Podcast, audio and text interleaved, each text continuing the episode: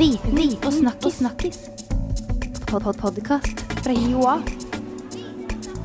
Viten og snakkis. Hei og velkommen til en ny episode av podkasten Viten pluss snakkis. Jeg heter Halvard Lavoll, og med meg i studio har jeg selvsagt Stig Nøra. Hallo. Dagens tema er tre bokstaver. Er du klar? Ja. PHD. Hva står det for? Godt spørsmål. Ok, Hva tror du det er for noe? Kan, eh, kan det være narkotisk stoff? Det høres litt sånn Syntetisk? syntetisk uh... PHD-misbruker? Ikke sant? Eller en diagnose på et eller annet som uh, feiler noe. Ja. PHD-syndromet? Ja, kanskje det. Eller eh, har en pH-verdi? PHD-verdi? PHD-verdi? Ja. Ja. Er det pluss, på pluss- eller minussida? Ja, ja. Hvem vet? Vi burde kanskje visst det. Vi burde det, og derfor tok vi, har vi rett og slett invitert en, en eh, professor. Silje Bringsrud Fekjær, velkommen skal du være. Takk skal du ha. Eh, vi har invitert deg her ene og alene for å fortelle oss hva ph.d. er for noe. Det er en mystisk forkortelse. Det er jo det. Da de starta med å kalle det det er ikke mer enn ti års tid siden, så var det mange som ikke ville ha den forkortelsen, for de tenkte at de, det høres ut som en hudsykdom. De ville heller ha det som het doktorgrad, som vi var før. Eh, men i praksis så er det, det er bare den høyeste utdanningen i Norge. Det står for philosophical doktorate, men det bruker vi ikke så akkurat så veldig ofte. Det er den høyeste utdanninga du kan ta. Hvis du vil fortsette med å ta utdanning etter at du er ferdig med master, så tar du en ph.d. Og da blir man da professor. Ikke med en Kanskje. gang. ja, det er nok det mange vil, og det er det en del blir. Men det er en form for forskerutdanning. Uh, og måten vi gjør det på, er veldig innretta mot at vi skal lære folk det man trenger for å forske. Og du skal gjøre det veldig mye selv. Det er en veldig mye større selvstendighet enn hvis du tar eksempel en bachelor eller master. Men mange av de som tar ph.d. i dag, blir ikke nødvendigvis forskere. Det er Nei. Mange kan ende i departement eller i direktorater, i interesseorganisasjoner. Så der man før trengte en master, trenger man i dag en ph.d., eller? Ja, til en del jobber stemmer det. Altså Før så kunne du kanskje for få fast jobb på et forskningsinstitutt med bare master. Det går ikke nå lenger. Man- Ok, så Utdanningsløpet nå vårt er da tre år bachelor, to år master, og så hvis en vil lære enda mer, eh, så er det da ph.d. Er det bare å søke samordna opptak, og så kaste seg på en ph.d., og så er en klar? Det har vært fint. Nei, dette er et ganske annet løp. og Det har jo noe med å gjøre at dette er også en jobb. En jobb, ja. uh, I Norge er det en jobb. Mange andre steder så er det en utdanning. Uh, men her er det en fulltidsjobb med en helt grei lønn. Eh, det kan diskuteres Tenk det, men Du, Tenk å studere og få betalt. ja, det er faktisk det. Det er fantastisk. Ja. Ja, Og å studere akkurat det du vil. ja nettopp. For da kan du sånn fordype deg ned i akkurat det bitte lille, smale feltet du er mest interessert i hele veien din. Liksom, Og Ja. holde på med bare det, og få full lønn. hvor lang tid var en sånn ph.d.? Tre år i utgangspunktet. Uh, og så er det en del som har en del det vi kaller pliktarbeid, som ofte betyr at du underviser eller gjør noe annet ved siden av. Så var varer det i fire år. Eh, Ja. Problemet er at det ofte varer mye lenger enn det Ja. i praksis. Hvorfor det? Det er, så krevende. Ja, det er krevende. Det tror jeg vi må være ærlige og si. Ja. Uh, men det jeg mener, er jo at vi som har ansvar for å utdanne ph.d., kan gjøre en del for å gjøre det mindre krevende. Uh, og også at de selv som tar ph.d., som vi ofte kaller stipendiatene, de kan også gjøre en del valg som gjør det mer mulig enn Mm. det. Altså, jeg trodde Før jeg begynte på dette selv, så trodde jeg man måtte være utrolig genial for å ta en ph.d. Mm. Det tror jeg ikke lenger. Det, har jeg, det tror jeg fortsatt. Det tror jeg fortsatt. Nei, Jeg klarte knapt en master. Eller. Ja. Men, eh, men det er derfor du har skrevet en bok? Ja. Ja. Uh, jeg tror jeg skrev bok aller mest fordi at jeg syns det var ganske forvirrende greier selv. Ja. Uh, jeg hadde ikke sånn i utgangspunktet denne drømmen om doktorgrad som mange har. Det jeg ville, var å undervise. Mm. Eller, Men mannen min nektet å flytte ut av Oslo. Og så hvis du skal ha jobb på høyskole eller universitet i Oslo, så måtte du ha doktorgrad. Ja. Så sånn sett så hadde jeg nok en annen inngang enn det mange har. Altså jeg først og fremst trengte det som en mulighet Mm. for å få undervise, som var det jeg egentlig ville. Eh, så fant jeg ut at forskninga var ganske morsom også underveis, men det var liksom en bieffekt. Bieffekt, ja. Ja, sånn kan det òg gå. Og så ble du professor i ung alder. Ja. Fantastisk. Men du har også skrevet bok, en litt sånn selvhjelpsbok dette her, for eh, de som står der og Ja, har man lov å si det akademia? Men det er det, altså. Ja. Det er en litt lite stivrein sjanger. Men det er først og fremst å tenke at det er en bok for å fortelle Jeg syns altså det var forvirrende greier sjøl. Jeg syns det var forvirrende å vite hva som trengs, og vite hva jeg skulle gjøre. Og så syns jeg det var veldig vanskelig å finne ut hvor denne lista lå. Mm. Jeg hadde veldig en følelse av at ok, nå er alle mye smartere enn de var på master. Nå kreves det noe helt annet av oss. Men hva da? Og har jeg sjanse til å nå opp dit? Jeg brukte veldig mye tid på å bekymre meg over det. Eh, og så føler jeg at etter liksom både å ha tatt ph.d.-en selv, men også liksom har sittet i komiteer som har vurdert dem, og sittet og vært med å ansette de som skal, skal ta ph.d., så jeg, så er det mye mindre mystisk for meg. da. Mm. tenker jeg, ok, dette følger liksom, Det er noe forutsigbart her. ikke sant? Det er noen måter å gjøre det på. Du må ikke nødvendigvis følge akkurat den måten. Det er ikke sånn at det er et helt smalspora spor. Men, men det finnes noen normer som du kan rette etter, og hvis vi sier de høyt, så blir det enklere. Ja. Men hvordan vet man at man er i stand til å ta en ph.d.? Kan man ta en ph.d.-test på internettet? Du kan sjekke Jeg tror jeg du skal gjøre to ting. Uh, først må du sjekke karakterene dine. Okay. For hvis du ikke har gode karakterer, så skal det veldig mye til for at du får ph.d.-stipend. Ja. Og da snakker jeg A og B stort sett. Med et unntak. Du kan godt ha gjort det dårlig på X-Fill, altså. Men, Mm. men jevnt over gode karakterer, særlig på masteroppgaven. Det må du ha. Eh, hvis du ikke skal ha veldig flaks. Men den andre testen tenker jeg kanskje er å tenke over hvordan hadde du det da du skrev masteroppgaven. For Ja. det ligner litt, altså. Bortsett fra bedre lønn. Litt lengre tid. Ja, mye lengre tid. Eh, mye dypere ned i ting. Ja. Men, men det det har felles, er jo dette med at du i stor grad er overlatt til deg selv. Det varierer mellom fag. altså. I noen fag jobber du ganske tett med andre. Men, men likevel så er det ditt prosjekt. ikke sant? Det er ditt ansvar. Eh, og det er både en fabelaktig frihet. ikke sant? At du Mm. kan faktisk holde på med akkurat det du vil, i stor grad på dine egne premisser. Samtidig som det er et voldsomt ansvar. Og hvis du syns at det var fabelaktig når du skrev masteroppgave, så er det kanskje noe for deg. Mm. Hvis du syns at det var helt umulig å strukturere deg og klare å slippe internett når du skriver masteroppgave Litt umulig var vel det for oss alle sammen, det er greit. Men, men hvis det liksom var helt umulig å få framdrift på den, så kan det godt hende det blir tøft på ph.d. òg. Men det er ikke så gitt. Altså, jeg vet av folk som har trivdes veldig godt på ph.d. og ikke fikk til på master, så det er ikke helt gitt. Men, men ønsker du deg liksom den friheten på godt og vondt? Mm. Mm. Hvor mange er det som tar en ph.d.? Det har økt voldsomt. Akkurat nå er det rundt 10 000 stipendiater i Norge i gang med doktorgrad. Eh, så det har liksom vært en eksplosjon. Jeg tok det i 2007, så det begynner liksom å øke veldig der, og har økt i alle åra etterpå.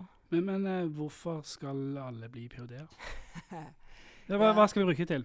Eh, samfunnet trenger mer forskning. Eh, eh, Altså, det det er nok en fare når man tar master. Altså, de som veileder deg på master, de har jo stort sett dette selv, og har nok en tendens til å tenke at det å bli forsker og ta ph.d. Er, er veien til lykken i livet. mm.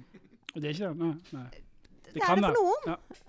Men, men jeg tror det er, viktig å huske på hvis du er en masterstudent og er i tvil om akkurat dette her, at um, Ja, jeg syns nok vi som utdanner kan bli flinkere til å si at dette her handler om dine interesser, dine preferanser. Jeg tror ikke dette er et løp som gjør alle lykkelige. Men uh, men det vi skal med det, vel for det første, så det blir mye bra forskning av det. Mm. Og det ser vi at veldig mye av forskningen i Norge produseres av stipendiater. Det er kjempe. Ja. Og mye av den siteres og brukes mye også. Det er ikke noe sånn kvasiforskning. Liksom. Mye av forskningsmessig innovasjon skjer av stipendiater. Ja. Så hvis du driver samfunnet fremover hvis du, Ja, jeg tenker at Mm. Det driver mye av kunnskapsutviklingen i samfunnet framover, og også har nytte for praksisfeltet på mange steder. Uh, og så er det mange som sier at å, vi må ikke utdanne så mange stipendiater fordi vi kan ikke tilby dem en forskerkarriere etterpå. Uh, og det er nok delvis sant. Samtidig så ser vi at den kompetansen du får der, er en fordel også i mange andre jobber. Hvis du skal jobbe i offentlig forvaltning eller en interesseorganisasjon, eller også ut altså innenfor naturvitenskap særlig, er det jo mange som går til privat sektor. Det er Mm. mange leger som har en doktorgrad nå, mm. som har mange helseforetak. Det er en skikkelig Du lærer masse av å ta en ph.d. Ja, de store selskapene, energiselskaper, trenger jo forskning der også. men, Ja. man, eh, man, det er jo jobber flere steder. Men du, så har jeg skjønt at det, det er en eh, nøkkelperson i livet til en, en en ph.d.-student, og det er veilederen. Jeg har hørt mm, ofte veilederen omtalt. Høres nesten ut som en personlig terapeut. Eller sånn. ja, det blir det i noen tilfeller. Og det er jo et veldig personlig øh, at Jeg tror i hvert fall det du kan si at det er avhengig av en match i stor grad, da. Mm. Uh, det er vel ikke gitt. Nei, det er ikke gitt. Uh, jeg tenker at gode veiledningsforhold Ofte når vi snakker om veiledning, så snakker vi om problemene med veiledning, og når veiledning ikke fungerer. Og det skjer jo, men, men jeg syns vi godt også kan snakke om altså Det er faktisk ganske mange av stipendiatene som er riktig godt fornøyd med veilederen sin. Eh, det er mange veiledere som gjør en god innsats. Og Det er også ganske flott, da. Tenk deg, altså, du, du har en jobb hvor noen har satt av en hel masse timer til å Mm. hjelpe deg å lære mer. Lese det du skriver, legge til rette for deg. Det er jo fantastisk. Altså, du får jobbe med det du vil. Du får betaling, og du får en egen veileder som følger deg opp i fire år. Altså, Ja, ja, for den veilederen er med deg hele, fra start til slutt. Ja. Ja. En eller flere veiledere, litt fagavhengig av det, men, men de er med deg hele veien. Mm. Men det er klart det er også en del tilfeller hvor dette ikke fungerer. Mm. Um, som i alt annet i livet. ja, som i alt annet i livet. Men problemet her er kanskje at av og til tenker jeg at i andre jobber, hvis det ikke fungerer, så, så sier man opp eller bytter jobb. Men i akademia så bare blir man der. Og, så, og det ser vi på undersøkelser, at det er veldig mange hvor veiledningen har skåret seg helt, hvor man likevel ikke bytter veileder. Ja. Og denne historien er det mange som har tatt master også, som kan fortelle. De har hatt veiledere som virkelig ikke har fungert, og så har man ikke bytta. Det syns jeg er trist. Men kan man bytte hvis man vil, eller må man søke er helst ikke hele tiden. At du bør ha en god grunn. Du kan innom flere perspektiver hele veien. Ja. ja, ja. Nei, men det er fullt mulig å få til. Men, men det er klart at her skal man også ha tenkt over at hvor god veiledningen blir, har også med din innsats som student eller stipendiat å gjøre. Ja. Det her er en dans, ikke sant? Og Ja. hvis du ikke følger opp, og hvis du ikke hvis du ikke For det første slipper veilederen til. Det er veldig vanlig å gjemme seg for veilederen i gangene. Oh, det er en egen sport. Det er en egen sport. Som jeg har stor forståelse for. Altså. Men det er ikke så veldig og særlig når man føler at det ikke går framover. Ikke? Man føler man ikke får det til.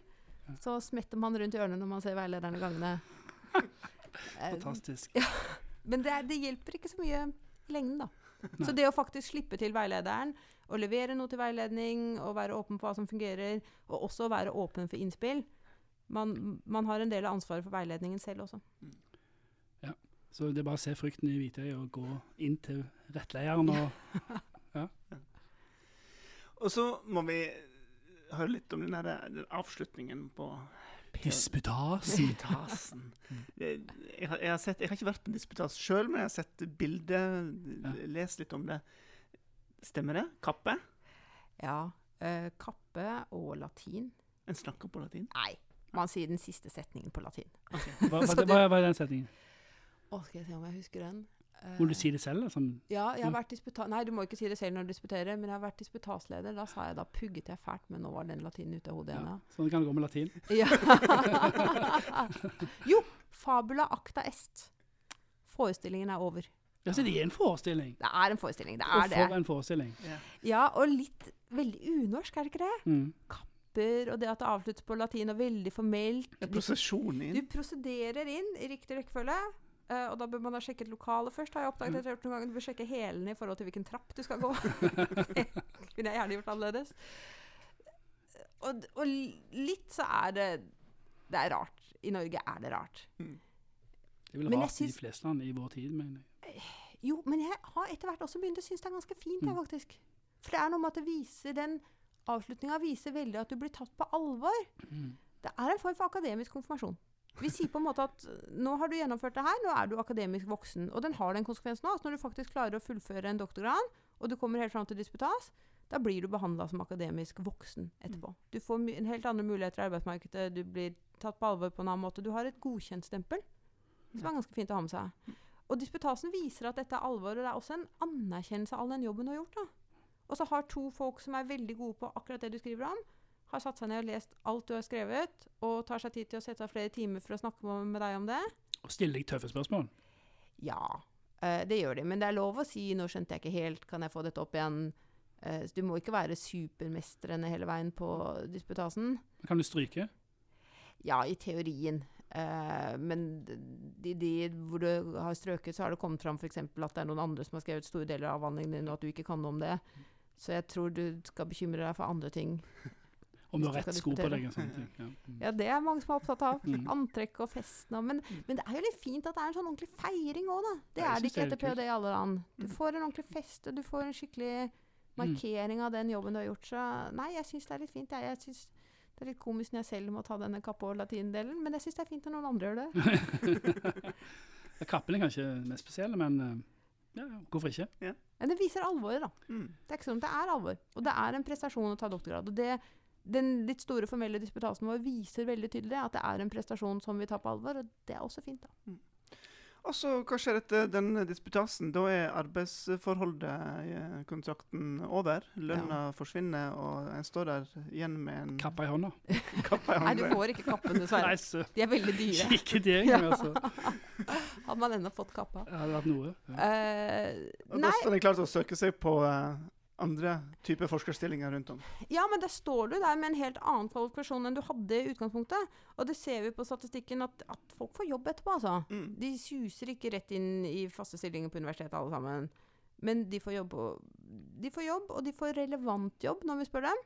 Så bra. Det Ja. er eh, viktig å vite. Ja. Ja, så ingenting tyder på at vi utdanner dem ut til ingenting. Og det syns jeg er litt viktig i denne historien her, som liksom har vært litt sånn litt sånn krisetendenser fordi at folk ikke får fast jobb med en gang etterpå. Og jeg mener ikke at det er et lite problem. altså Jeg ser det er et stort problem å gå Ofte er jo folk godt voksne her. ikke sant? Mm. Oppe i 30- og 40-åra så er det ikke moro å gå på korte kontrakter veldig lang tid. Eh, men, men jobb, det får doktorene våre. Mm. Og relevant jobb. Du, nå har jeg lært ganske mye mer om eh, ja, ph.d.-systemet vårt her.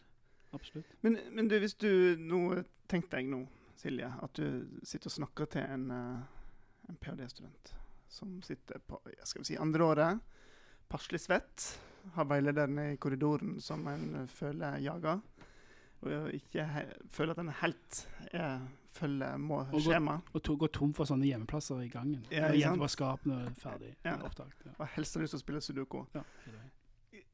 Dine beste råd til den litt frustrerte ph.d.-studenten? Å passe på tida si. Uh, Ja, fordi at du har Du har disse her nøyaktig tre årene. Hvis du ikke har pliktarbeid, fire år hvis du har med, men da skal du gjøre noe annet òg. og når du starter opp, så føles det som sånn hav av tid. Altså, det føles som kjempelang tid. Og så tenker du ja, men jeg kan jo gjøre litt på Nå har noen andre spurt meg om å forelese der, og jeg kan jo ta på meg litt sensur. Og, og så spurte denne store faglige storhet meg om å skrive et kapittel i boka hans. Det var veldig hyggelig. Jeg må skrive det kapitlet. Det er nok relevant for det jeg skal skrive avhandling om. Da blir det skummelt, altså. Eh, og også i forhold til privatliv. At det er vanskelig å prioritere avhandlingen. Hvis du har et sykt barn, da, skal du finne ut hvem som skal være hjemme. Skal det være mannen din som har fire møter i morgen, eller deg som har denne fristen om en treårstid? Det blir lett, det blir lett den ph.d.-en som må ta jobben med å passe barna. Det gjør det. Og hvis du som stadig Uh, spiser av stipendene og det gjelder også hvis du er syk eller har noe annet i privatlivet som gjør at det egentlig ikke er mulig for deg å jobbe 100 da må du enten gå ned i stilling, skaffe deg sykemelding, få forlengelse av tiden fordi du tar andre ting på deg, eller Men å passe skikkelig godt på den tida, for det er ingen andre som gjør det. Og kanskje omvendt, at andre prøver å spise av det og foreslår kan du gjøre det, kan du gjøre det. Du må vokte den tida og bruke den på avhandlingen, og da er det faktisk mulig å få til. Det er ikke fullt umulig å skrive en, en ph.d., men du må passe på at tida di skal brukes til det. Ja. Kjøp kalender og Si nei til mest mulig. slutt å gjemme det i gangen. Og så, eh, hvis ikke de rådene holdt, så må en bare gå og kjøpe boka di. Det burde jo være den beste løsningen. Da. Der finner Ja. man uh, Du finner alt. Ja, Ja. finner du alt. Og, eh, og tittelen på boka er Det er ph.d. en veiviser. Ja. Lenge så het den ph.d. en bruksanvisning. Ja. Akkurat som å kjøpe noe skal få barn og sånne ting. Ja. Eh, Så var det noen som påpekte at dette er ikke helt sånn et Ikea-møbel å skru sammen. Da. Det er ikke bare én rett måte å gjøre det på. Og det er jeg også opptatt av, at det er store fagforskjeller. Det er også forskjeller innad i fag. Uh, og jeg ønsker jo heller ikke et system hvor det skal bli en så trang norm for hvordan du gjør det. Mye av det fine her er jo faktisk at du er en selvstendig forsker også når du gjør det her. Du er i opplæring, men du er også en selvstendig forsker og kan i stor grad bestemme selv hvordan dette skal bli. Men, men det finnes noen måter å gjøre det på, det finnes noen normer. Og det å kjenne litt til dem er det jeg håper gjør det litt enklere. Det jeg håper jeg får sagt i boka. Ja. Så bra. Silje Bringsrud Fekjær, det er veldig hyggelig at du ville komme. Ja, takk skal dere ha. Neste bok blir da eh, professorboka. Ja. Som blir professor. Ja, det er noen som har foreslått Hvordan det. eh, ja. Professor på Livet som 1, 2, 3. professor. Ja. Professor i en bruksanvisning. Ja. Ja. Det er en bestselger. ja, men da ses vi igjen neste år, da. Så sier vi det sånn. Da sier vi det. Takk Ja. skal du ha. Og til deg som hørte på, jeg håper du eh, kanskje har lyst til å vurdere en ph.d. Ja, det er bare søke. Det er bare å søke. Ja, vi sier det sånn. Takk for at du hørte på, og så får du bare skru på igjen, eh, eller laste ned igjen eh, neste fredag, for da kan jeg love deg at det kommer en helt ny episode. Ha det bra. Ha det. Viten og snakkis. snakkis. Pod -pod Podkast fra Joa. Viten og snakkis. snakkis.